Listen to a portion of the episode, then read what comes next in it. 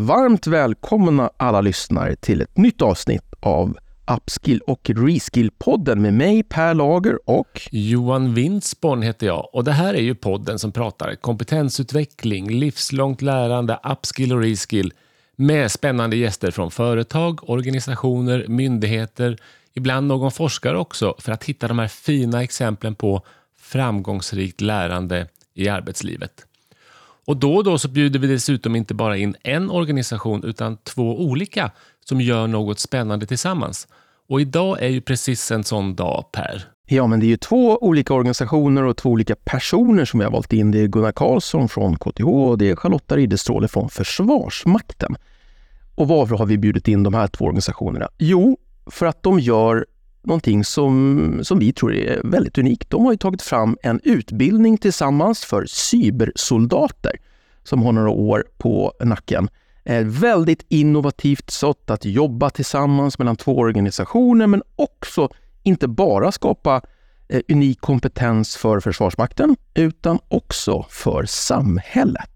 Eh, dessutom så är vi extra nyfikna på att höra ännu mer om vad som händer på KTH och professor Gunnar Karlsson som har så, haft så många initiativ genom åren inom livslångt lärande. Och Försvarsmakten, där jag själv är aktiv också, gör väldigt mycket spännande när det handlar om lärande, inte minst i den här både oroliga och snabbförändliga omvärlden vi lever i. Så det här, det här kommer bli ett litet speciellt eh, avsnitt.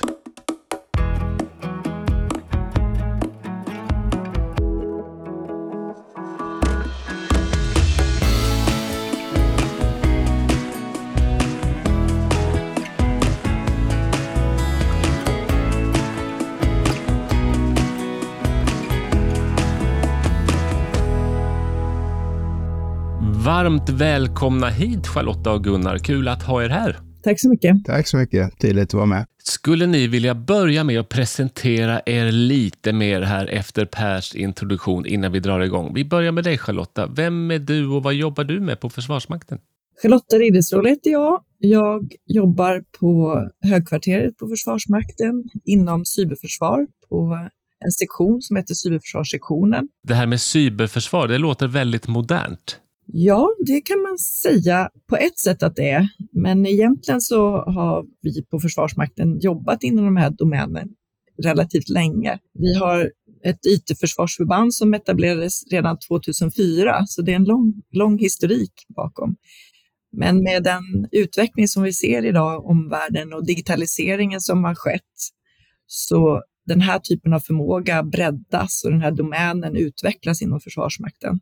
Gunnar från KTH, vem är du då? Ja, jag är professor på KTH sedan 25 år tillbaka och eh, har innan det varit verksam på, i, i, Sverige som forskare på institutet. Eh, det ingår i RISE nu eh, och innan det så var jag verksam som forskare vid IBMs forskningslaboratorium i Schweiz. Och i det här sammanhanget så har jag väl nästan tio års historia som, som där jag engagerat mig. Jag pratade ganska mycket om digitalisering. För jag såg att det kommer påverka vår arbetsmarknad. Det kommer vara jobb som, som rationaliseras bort. Och um, det var ingen som egentligen sa emot det, men, men hela tiden så pekar man på att det kommer behövas utbildning för det. Och jag såg inte att högskolan nödvändigtvis är redo att ta den utbildningsbehovet eh, som blev. Eh, och det är det jag jobbat med i stort sett sedan dess. Spännande och vi ska ju prata mer lite grann naturligtvis om det här behovet av livslångt lärande och inte minst kopplat till hur högskolan jobbar med det. Men hur kommer det sig då, Charlotta och Gunnar, att ni jobbar tillsammans i den här konstellationen?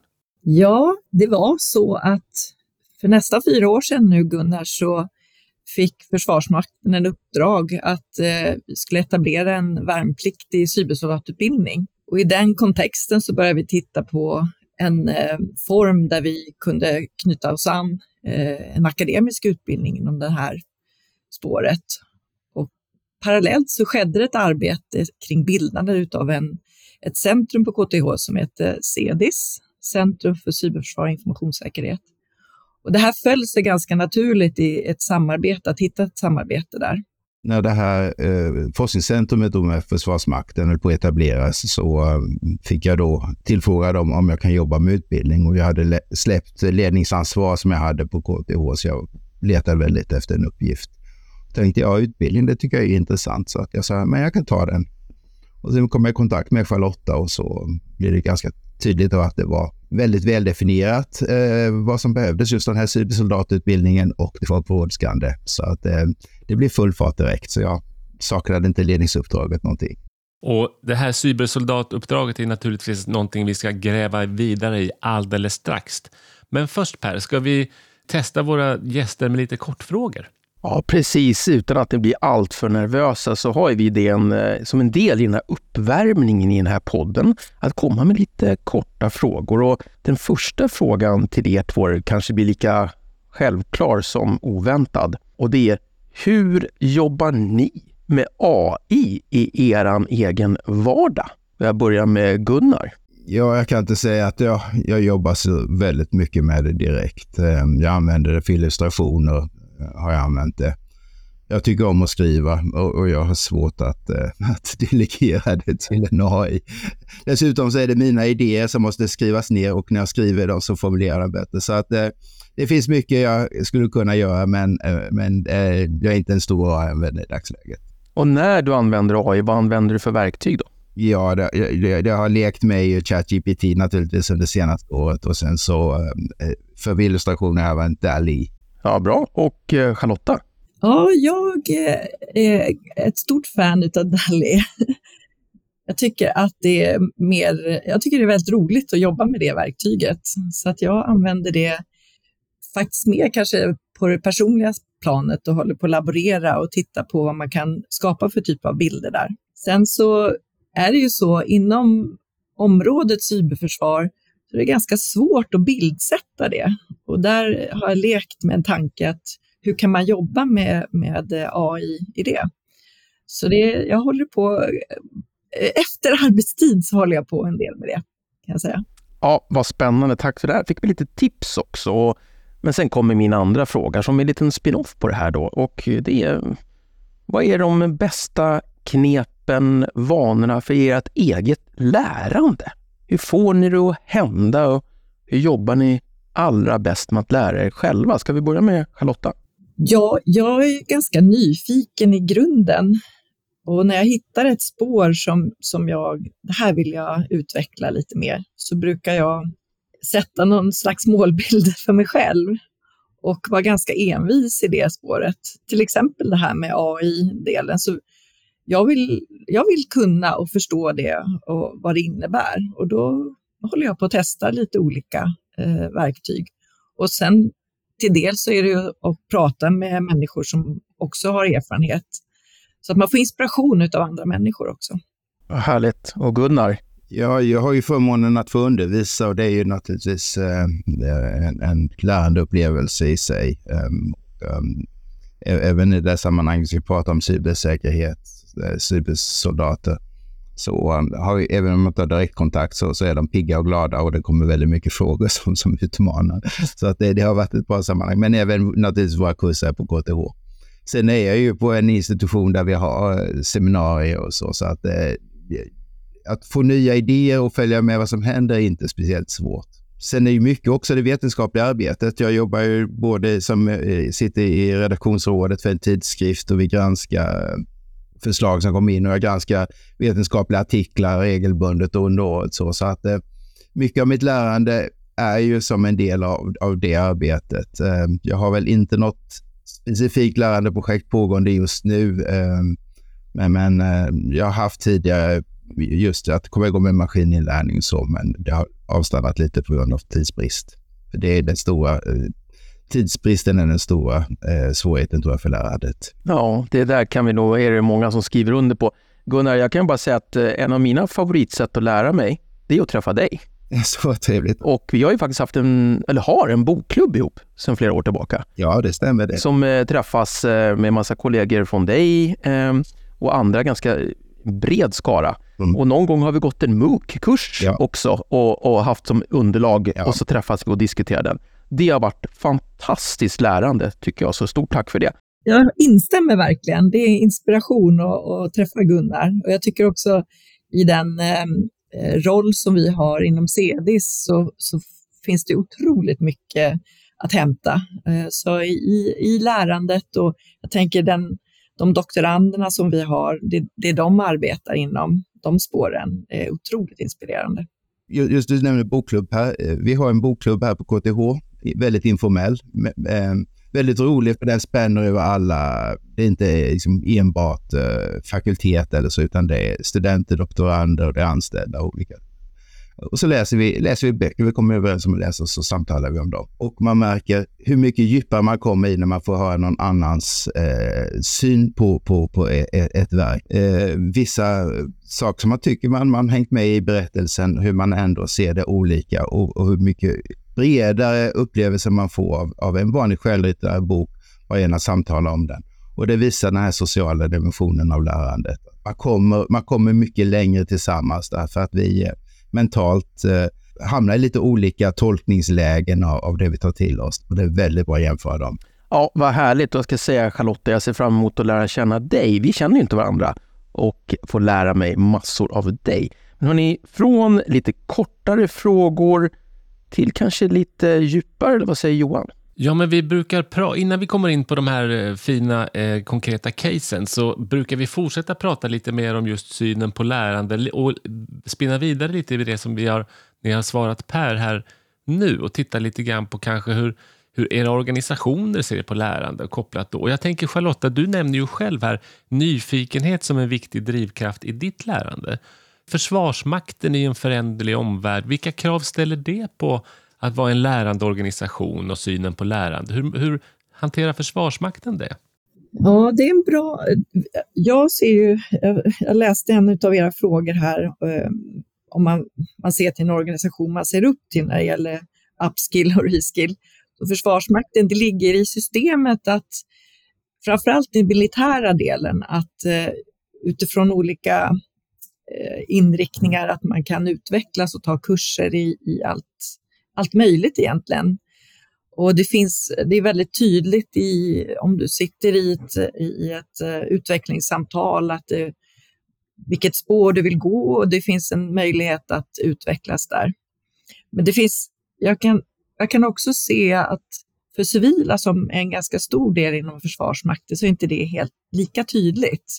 Inom militära professionen är det väldigt tydligt, karriärsplan, men inte så mycket för civila.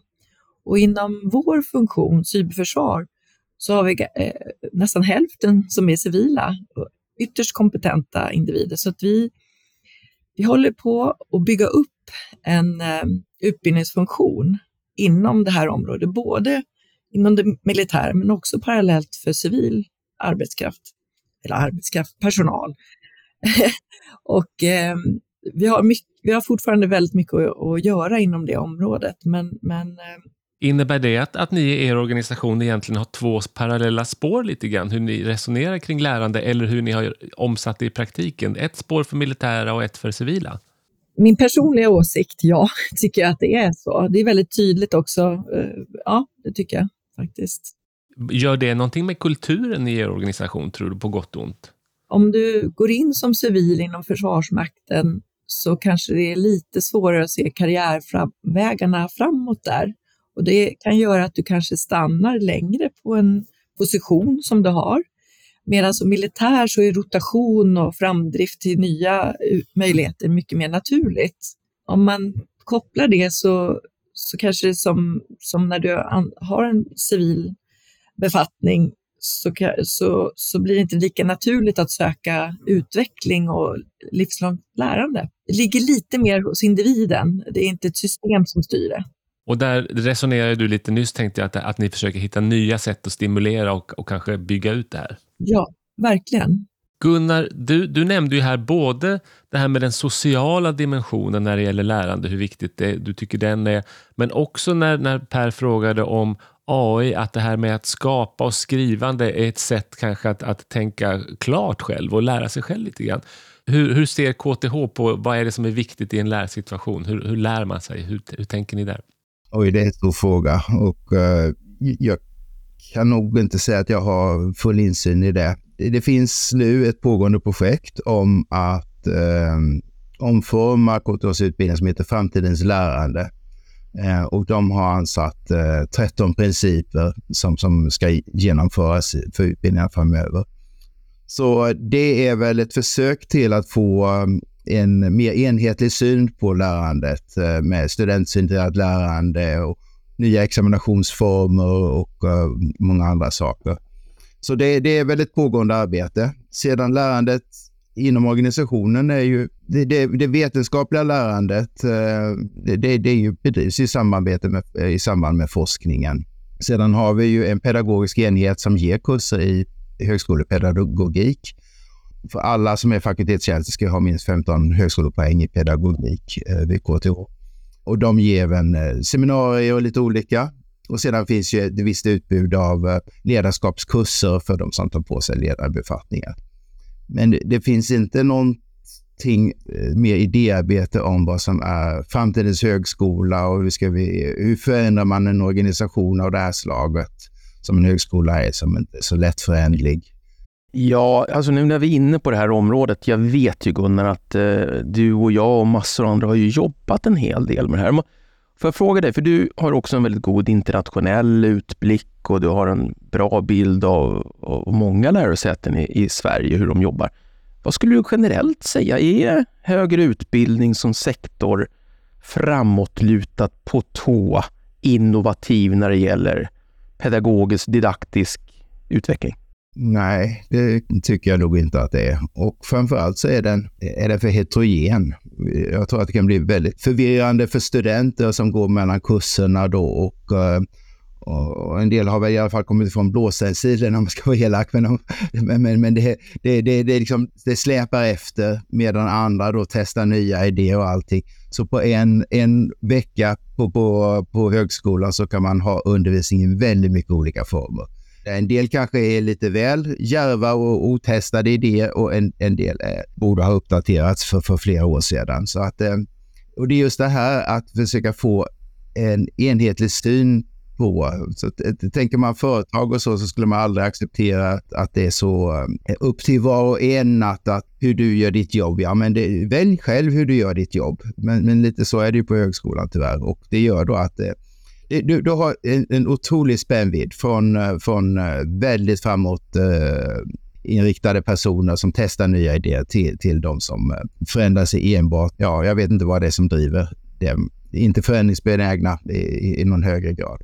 Och det där tror jag är, det är lite sektorsproblem.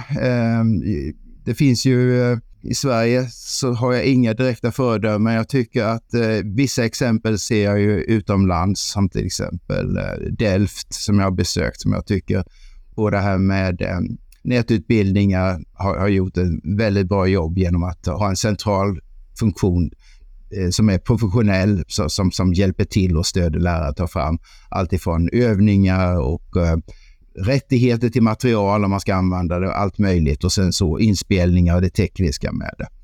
Jag är väldigt eh, imponerad också av vad som sker i Schweiz, på, till exempel på École Polytechnique Fédérale de Lausanne. I, eh, Schweizarna har lite andra resurser på teknisk högskolesidan än vad vi har i Sverige. Men, men det finns exempel och alla exempel bygger inte på att det finns mycket pengar. Det finns många exempel som faktiskt inte är så dyra att genomföra. Så att, eh, det skulle gå att göra mer. Tack så mycket Gunnar. Det var lite synen på lärande. Jag tror att det är dags att gå över och titta på lite case som vi har bett er att förbereda. Och jag tänkte så här Charlotta, ska du inleda med ett case som du har jobbat med? Ja, jag tänkte prata cybersoldatutbildningen i stort. Mycket bra och spännande. Berätta, hur, vad är bakgrunden till den utbildningen och, och hur 17 kom ni igång och hur ser den ut nu? Ja, vi hade utmaningen var ju att det redan var bestämt att vi skulle etablera en värnplikt i cybersoldatutbildningen. Så målbilden var väldigt tydlig. Det som blev är ju hur skulle vi göra det här och i vilken form? Och vi hade också en, en eh, ganska sportig tidsplan kopplat till det här, vilket personligen tycker jag är väldigt bra. Man får accelerera och skapa grupperingar. I, I vår organisation så fanns det möjlighet att ta in väldigt drivande, starka individer som var med i det här projektet, både på central nivå men även ut på förbanden. Och det måste jag säga, det här är verkligen ett riktigt teamarbete med eh, otroligt duktiga, kompetenta och målstyrda människor. Det, det som är spännande med cybersoldatutbildningen, det var ju att vi i princip inte hade någonting. Och idag så, så har vi etablerat, vi byggde ett hus, bland annat ett utbildningshus på 18 månader i Enköping. Det hade inte byggts där på, jag, jag tror att det inte hade byggts något nytt hus på 30 år i Enköping. Men vi eh, på ledningsregementet, så, så med den stöd och den personal och ledningen så lyckades vi bygga ett helt nytt utbildningshus som idag cybersoldatsutbildningen hålls i, som har alla förutsättningar i utbildningslokaler. Det tyckte jag var otroligt spännande. Och sen parallellt så inhämtar vi då kunskap och skapade arbetsgrupper med de här individerna som var med i arbetsgruppen som kunde tillföra men om man kommer in på en grundläggande nivå så kom, ska lära sig, då behöver de kunna det här. Och så börjar vi matcha det i dialog mot KTH och Gunnar som satt med i alla de här mötena när vi trevade oss fram. Jag, jag vet, du kanske vill tillägga där Gunnar, men det var otroligt spännande hur vi kom fram till en tidslinjal. Att de här kurserna och de här, det här, här behöver vi börja lärandet och det här ska de uppnå i slutändan. Och att vi ganska tidigt satt eh, schema för det här ska in. Men eh, det som var också väldigt roligt, det var ju att eh, vilka är det som ska leda de här, skapa ett befälslag och en pluton och bara det att använda Plikt och prövningsverket och där man tar mönstrade och de fick möjlighet att eh, göra en, eh, vi var tvungna att, eftersom vi har en extra test, först mönstrar du och ska du bli cybersoldat så måste du göra en ytterligare utbildning. Bara skapa en sån test. Det hade vi ett fantastiskt fint arbete och har fortfarande med FOI, där också var en person som verkligen gick all in i det här. Och alla de där olika pusselbitarna med, med eh, individerna gjorde att vi lyckades skapa en utbildning på väldigt, väldigt kort tid. Och det som är spännande också det är att vi har inte behövt justera den så mycket under de här sista fyra åren, utan vi satt den ganska rätt från början. Och Charlotta, kan du berätta hur ser utbildningen ut idag för de värnpliktiga? Hur är det upplagd och hur, hur lång är den och, och sådär? Mm, utbildningen är 11 månader. Vi har delat upp den i tre faser. Det första som händer det är under 10-12 veckor så gör de en grundläggande värnpliktsutbildning. Det vill säga att de, de blir soldater. Och sen efter det så går de in i 22 veckor i en akademisk utbildning. Och i de här 22 veckorna så innehåller det bland annat då, då fyra KTH-kurser. Och eh, de kurserna, kanske Gunnar vill beskriva mer eller så kan jag beskriva dem eh, sen. Men i, i grunden är det ju universitetskurser på en, några kurser är på masternivå.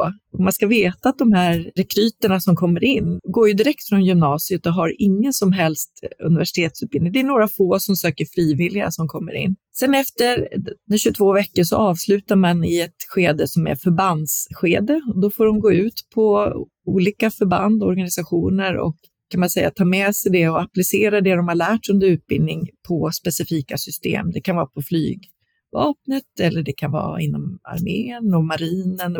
Det är de tre skedena som utbildningen eh, är upplagd. Och sen efter 11 månader så är de klara och vissa går vidare och utbildar sig hos oss på Försvarsmakten, kan gå in och jobba på något förband eller man kan bli specialistofficer. Ganska många går ut i samhället och får olika typer av arbeten. Så att det är i stort, nu utbildar vi Eh, 60 stycken årligen som kommer in i den här utbildningen. Och det här är kull nummer fyra nu. Ja, det är ju fantastiskt. Jag tycker det här, det här greppet som ni har valt, alltså att man gör sin värnplikt, man får liksom en, en specialiserad värnpliktsutbildning, men man får också högskolepoäng samtidigt som man gör sin värnplikt. Som både kan eh, komma Försvarsmakten till del om man fortsätter där. Det kommer samhället till del när du får de här kurserna och kan gå ut och jobba inom inom ett fält där det, krävs, där det efterfrågas väldigt mycket arbetskraft. Och sen, Gunnar, misstänker jag att några går vidare på KTH också. Gör de inte det? Det gör de säkert. Eh, ibland så är det någon som hejar på mig och frågar om de eh, känner igen dem. Har de haft grönkläder på, det, på sig så hade jag gjort det, men, men nu när de är civila så, så tar det lite, Så det, det, det är väldigt intressant. Ehm, eh, och det de läser är ju eh, fyra stycken reguljära KTH-kurser. Det är inget annorlunda de läser mot vad, vad de läser, de läser här på, i olika program på campus. Så, um, och det var ju med den, den korta tidsfristen så hade vi inte ens möjlighet att ta fram något eh, nytt utbildningspaket för det här, utan vi var tvungna att använda de kurserna som vi hade att utgå från. Och det var ju lyckosamt att vi fungerar så bra. Eh, fyra ordinarie kurser som lagt i en annan ordning. Två stycken grundläggande nivåer, alltså de för, tillhör de första tre åren på en civilingenjörsutbildning. Och de andra två kurserna ligger på avancerad nivå som är då masterdelen av en civilingenjörsutbildning. Så att det är ganska imponerande att gått från gymnasiet och mucka ett år senare så har man 15 högskolepoäng på avancerad nivå. Provat eh, högskolestudier på, på båda nivåerna. Och det visar ju också hur, hur djupt man kan komma om man strömlinjeformar. Så, så, så det är klart, de har inte den bredden av, av någon som läser civilingenjörsprogram. De har ingen av mattekurserna och, och, och, fysik och allt annat runt omkring. Men just inom ett ämne så kan man komma upp då till den högsta utbildningsnivån som vi erbjuder på KTH med två stycken förberedande kurser om man, om man strukturerar det rätt. Så det, det, det, är väldigt intressant och jag tror att det, det är en generaliserbar modell för just uh, att ställa om arbetskraft som till exempel personer som måste jobba med, med cybersäkerhet på sina arbetsplatser, säg inom sjukvården. Då måste man kunna sjukvården. Då, då, då är det lämpligt kanske att en, en sjuksköterska som kan vårdens processer eh, måste lära sig cybersäkerhet så mycket att man kan jobba med säkerhetsanalyser, man kan jobba med externa konsulter, man kan, kan kravställa, man kan eh, ta till lösningar och man kan bistå i eh, implementeringsprojekt av de här. Och då, då, kan en sån här utbildning på en termin då vara fullt tillräcklig för, för att, att ta på sig en sån roll. Eh, för då är det baskunskapen, det är vården och vårdens processer. Men man måste förstå cybersäkerhet och då, då kan den här utbildningen vara tillräcklig. Jag skulle vilja lägga till också, jag tror eh, cybersoldatutbildningen, vilket var verkligen eh, för oss en fullträff, det var ju att i att vi byggde den i, som ett distans... Eh, det är inte kate, klassisk katederundervisning utan det är distansundervisning och en utmaningsdriven pedagogik, det vill säga att de får en uppgift och de oftast har vi gjort att man jobbar två och två eller i par. Det man ska ta med när vi jobb, började utbildningen så var ju eh, covid kom in i bilden och vi lyckades ju sätta igång bild, eh, utbildningen på grund av att vi eh, jobbade med ett sådant koncept med distansutbildning och att det inte krävde att, att man helt enkelt eh, som hade instruktörer och så. Så det var en spännande del. Ja, det, det, det, var väldigt, jag var ju väldigt tydlig när vi började här samtalen om en utbildning att eh, vi kommer inte kunna hålla KTH-lärare på plats i Enköping på, på regementet där. Och, eh, då kom vi till den slutsatsen att eh, vi måste strukturera det här materialet så att i, i princip så fungerar det för självständiga studier. Och, och det, det, är väldigt, inte alla kurser på KTH som har så tydliga strukturer. En del lärare tycker att det är viktigt för, för studenterna att orientera sig och så här, men, men här var det hyperstrukturerat. Och sen så eh, ansatte jag ett enkelt protokoll för hur de ska jobba ihop. Att eh, eh, man förstår uppgiften tillsammans, diskuterar den, eh, så man enas om en tolkning av uppgiften. Även om den är oklar så enas man om en tolkning av uppgiften. Sen löser man den enskilt just den, enligt den tolkningen som man hade inne. Och sedan efteråt så, eh, så diskuterar man lösningarna. Och det är där mycket av lärandet kommer ju, i de här första två faserna. Att förstå uppgiften, det är mycket lärande runt det. Eh, genomförandet är naturligtvis en viktig del, men sen också att, att, se andras lösningar. Det är samma som bokklubben som diskuterar tolkning av en bok. Här ser man, jaha, du löste det på ett helt annat sätt än jag, men eh, fungerar din lösning? Ja, min fungerar också. Ja, men är, då kan man börja resonera kvalitativt. Det här är ju teknik. En lösning är bättre än en annan i ett avseende kanske. Den här är mer lättförståelig, var tydligt och, och, och lätt är att förstå den. Den andra kanske är kortare i rader kod eller vad det kan vara för någonting. Och då, då kan man se det här att det, att det finns inte entydiga lösningar eh, i allting. Och det ger otroligt mycket djupare förståelse. Och sen så att kunna ta den kunskap man har och tillämpa den sen på nya problem som inte är givna av läraren. Och det, det är dit man vill komma i, i all undervisning. Att det är eh, den här transfer över till, till eh, nya områden. Eh, så, så den kom in väldigt naturligt i den här undervisningsformen. Så det har fungerat otroligt bra. och uh, har gjort att den här modellen med eh, uh, försvarsmaktens instruktörer och där KTH står för framförallt för innehåll och för examination, att den har fungerat så väl. Ja, stort, stort tack för, för det här fantastiska caset. Det här ska vi smälta lite och det gör vi genom att lyssna på lite musik från Ann Winsborn, så varsågoda. Never been the place you've been. Never saw the light in your eyes. You made me see. Say goodnight, not goodbye. You always be in my heart, not left behind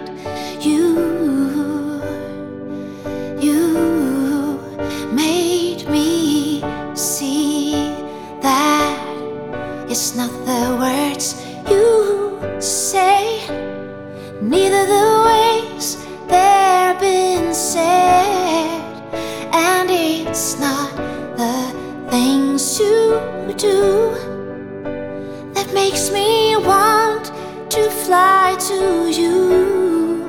It's not the words you say.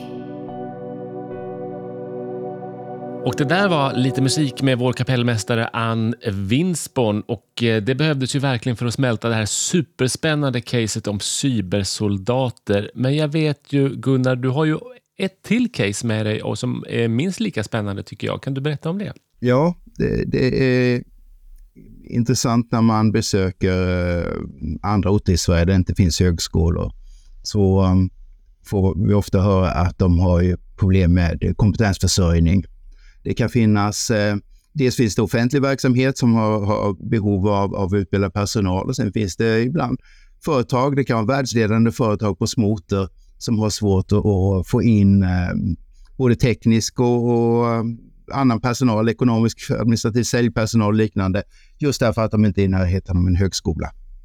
Vi är ju då en högskola i huvudstaden dit, eh, dit en del vill flytta och flyttar de då från sin ort så är det tyvärr inte så vanligt att de flyttar tillbaka hem igen dit de kommer ifrån. Även om de kan trivas bra där de kommer ifrån. Det är inte en flykt nödvändigtvis, utan man flyttade för utbildningen men man blir kvar ändå. Sedan är det ju de då som, som inte kan tänka sig flytta som då inte får del av den utbildning som vi kan erbjuda.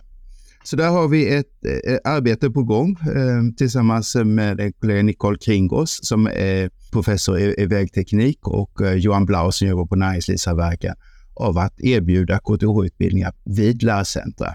Vi jobbar ihop med en förening som heter NITUS som organiserar lärcentra som hanterar högre utbildning. Och högre utbildning är ju framförallt för vårdyrken och omsorgsyrken och en del lärarfortbildning.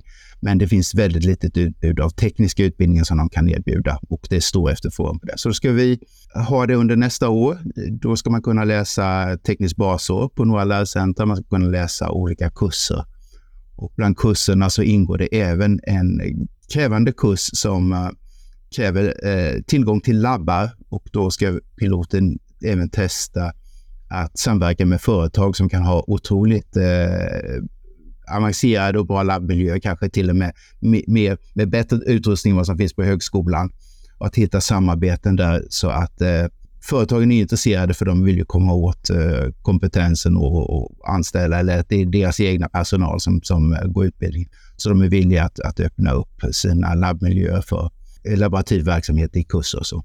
Så det blir väldigt spännande eh, och det är på gång att dras igång. Det kommer finnas information på Nitus hemsida och även på KTH framöver. Men Gunnar, det här blir ju alltså ett sätt att istället för att ta sig till universitetet så tar sig universitetet till orten där det behövs kompetens i form av en, nästan en slags eh, lärhubb eller lärcentrum som Nitus. Ja, precis. Hur många orter rör det sig om här inledningsvis? Det är lite olika för de här tre olika spåren och jag har inte det rakt av men det är en pilotomgång så det, det är frågan om en handfull lärcentra som är nu. Det är, men intresset har varit stort. Jag tror att vi har eh, i en referensgrupp som vill följa det här närmare in på så, så är det nog en 30 lärcentra som, som kommer vara delaktiga av att eh, få löpande information av piloten. Och just att vi valt lärcentra, man kan ju säga att ja, men lägg ut allting på nätet då. Eh, det, det är det naturliga, eller hur? Och, och klart, företag köper redan kurser eh, på Coursera, edX och FutureLearn och allt vad de heter. Men erfarenheten är att det funkar ju inte. Det är svårt att göra klart det. Sitter man på kontoret och sitter där med sin mok och så är det klart att någon öppnar dörren och säger här sitter du vid datorn, kan inte du hjälpa till när vi ska leverera imorgon? Det är klart att man inte kan prioritera kursen då, även om det, det, man upplever som viktigt. Eh, så att komma ifrån arbetsplatsen, för arbetsplatsen är inte nödvändigtvis en bra studiemiljö. Och sedan framförallt den här sociala delen som, som, som kommit in flera gånger under det här samtalet. Att träffa andra och eh, studera ihop. Det blir ett minicampus eh, och den sociala delen är väldigt viktig. Just att man tar ansvar inför varandra. Att jag måste göra klart det här idag, för imorgon ska jag diskutera det med mina kompisar på lärcentret. Då har man ansvar inför de andra och då gör man klart det. Om det här är enbart att jag ska göra klart det här för min egen skull, ja då förhandlar man med sig själv att det är inte är så viktigt. Eller man står inför kollegorna då som ger socialt tryck från, från kollegorna och då, då, väljer man kollegorna framför sig själv. Vi har en tendens att, och det, det är en fin tendens att, att uh, möta upp vår omgivning och sätta den före oss själva. Men i utbildningssammanhang så måste man ge kompetenshöjningen lika mycket prioritet som andra delar i, i, i sitt liv.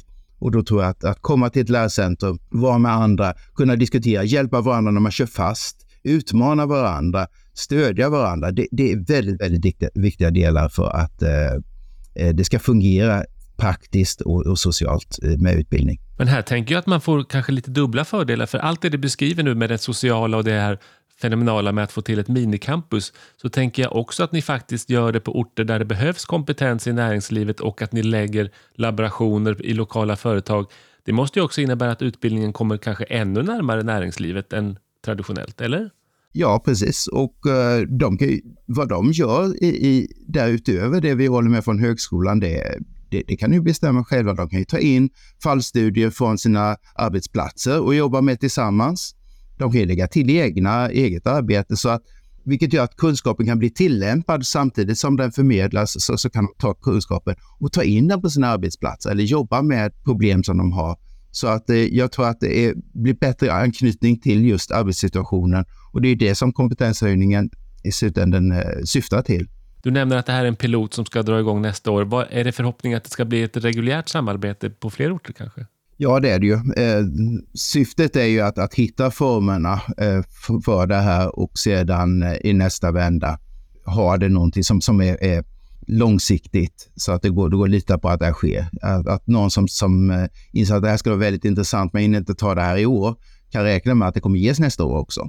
Sen är det ju en hel del eh, saker att hög, vi är ju inte vana vid att, eh, att ha utbildning på andra platser än, än de vi själva kontrollerar. Här gäller ju att, att vi ska kunna schemalägga grupprum på ett lärcentrum i Arvidsjaur till exempel, eller hur?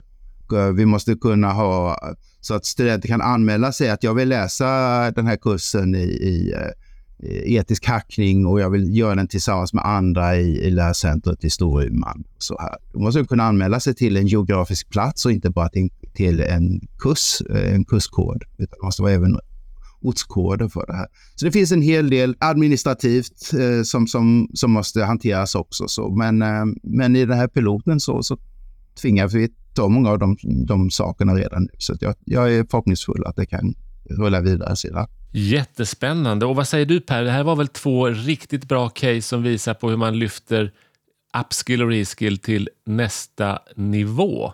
Ja, verkligen. Och jag sitter här och antecknar massor frågor som inte jag hinner ta nu, utan de får jag ta på tu hand med Gunnar och eh, Charlotta. Så det är dags att börja gå in för landning. Eh, och det gör ju vi i Upskill Reskill-podden genom att ställa några lite korta frågor, lite så här hiss och diss-frågor. Vi kommer med lite påståenden eh, och kanske kan man uttrycka sig kort eller så gör man lite förlängning på det. Jag tänkte första hiss eller diss eh, som går till, jag börjar med Charlotta. Repetition är kunskapens moder. Hiss eller diss? Hiss. Varför det? Jag bara ser till mig själv att jag behöver repetera saker hela tiden. Kanske för att jag blir mer och mer glömsk, men absolut. Och Gunnar? Ja, det, definitivt. Och, och men, men det, det sägs eh, så schablonmässigt, men det implementeras ju inte. Jag har föreslagit att man inte skulle få kursbetyget förrän ett år efter kursen är avslutad. För man måste visa att man också bibehållit kunskapen. Vi testar inte bibehållen kunskap, vi testar den momentant. Nu är kursen slut, visa att du har lärt dig någonting. Ja, det gör de det. Men ett år senare så kanske det inte är så mycket kvar av det. Så att, nej, repetition är väldigt viktigt. Har ni något favoritknep och tips på hur man jobbar med repetition? För, av kunskap. Vad säger du Gunnar? Det vi använder både för cybersoldaterna och jag har, har då lagt in även i eh, en av mina kurser, det är att använda sådana här Anki, eh, som de kallar flashcards, alltså för, för eh, upprepad repetition. Där Anki är ett system som är gratis. Eh, man lägger in sina kontrollfrågor och sen så lägger Anki ut de här frågorna. Man får ett visst antal frågor per, per dag och de frågorna man svarar rätt på, de kommer tillbaka men långt senare och de frågorna som man svarar fel på, de upprepas oftare till dess att det sitter. Så det, det är ett enkelt sätt att hantera sin egen. Så klockrent eh, exempel. Och Charlotta, då, har du några tips på repetition? Själv försöker jag eh, förkovra mig lite i språk och det finns ju en hel del bra appar. Eh, en, en i Duolingo där man kan verkligen jobba med repetition. Ja, smart. Det där är ju också ett effektfullt sätt att jobba med. Och sen en sista fråga då. Sverige är världsledande inom livslångt lärande och en förebild för andra länder. Hiss eller diss, Gunnar? Ja, diss låter så hårt, Ben, men nej, vi är inte ett föredöme. Nej. Har vi varit det? Ja, jo, i, i livslångt lärande har vi nog varit det. Alltså på, med, med hela de här omställningsdelar och allting. Men då kan vi gå tillbaka några tiotal år för, för att uh, ha det. Så vi har tappat mycket av den momentum som vi hade. Så det, ja, nej, vi har varit ett föredöme, men, men jag tror inte vi är det. Och Charlotta, vad, vad känner och ser du? Diss. Och varför det? Jag tycker att vi, framförallt jag ser kopplat till covid, när vi börjar etablera nya kanaler och sätt att arbeta, så kanske inte vi har tagit vara på det så väl faktiskt. Intressant. Det tror jag är många som eh, håller med dig om där ute. Stort tack! Eh, lite korta, hårda eh, frågor, men vilka korta och tydliga svar vi fick Johan. Och nu så är det dags att runda av på riktigt. Charlotta här, får jag säga en sak? Gunnar och jag har ett litet projekt som vi håller på med och det här är ni första som får höra det. Gunnar och jag har hållit på ett tag att titta på att göra en eh, SYVAC, heter det, en cybervaccination av värnpliktiga. Vi är bara i en testfas just nu, men det handlar om att hur kan vi höja kompetensen hos våra värnpliktiga kring cybersäkerhet? Så att den här ska vi jobba vidare på och kanske vid ett annat tillfälle kan vi berätta hur det gick. Det här låter fantastiskt spännande och bara idén om att, att vaccinera eh, 7, 8, 10 000 eh, unga svenska killar och tjejer varje år som kan gå ut som lite budbärare på arbetsplatser och annat, hur man ska tänka kring cybersäkerhet, låter ju hur smart som helst. Då kan vi redan nu säga att eh, vi vill eh, att ni kommer tillbaka och berättar eh, när ni har sjösatt det där. Gunnar och Charlotta, stort tack för att ni var med oss här idag. Tack för att du fick komma med. Tack.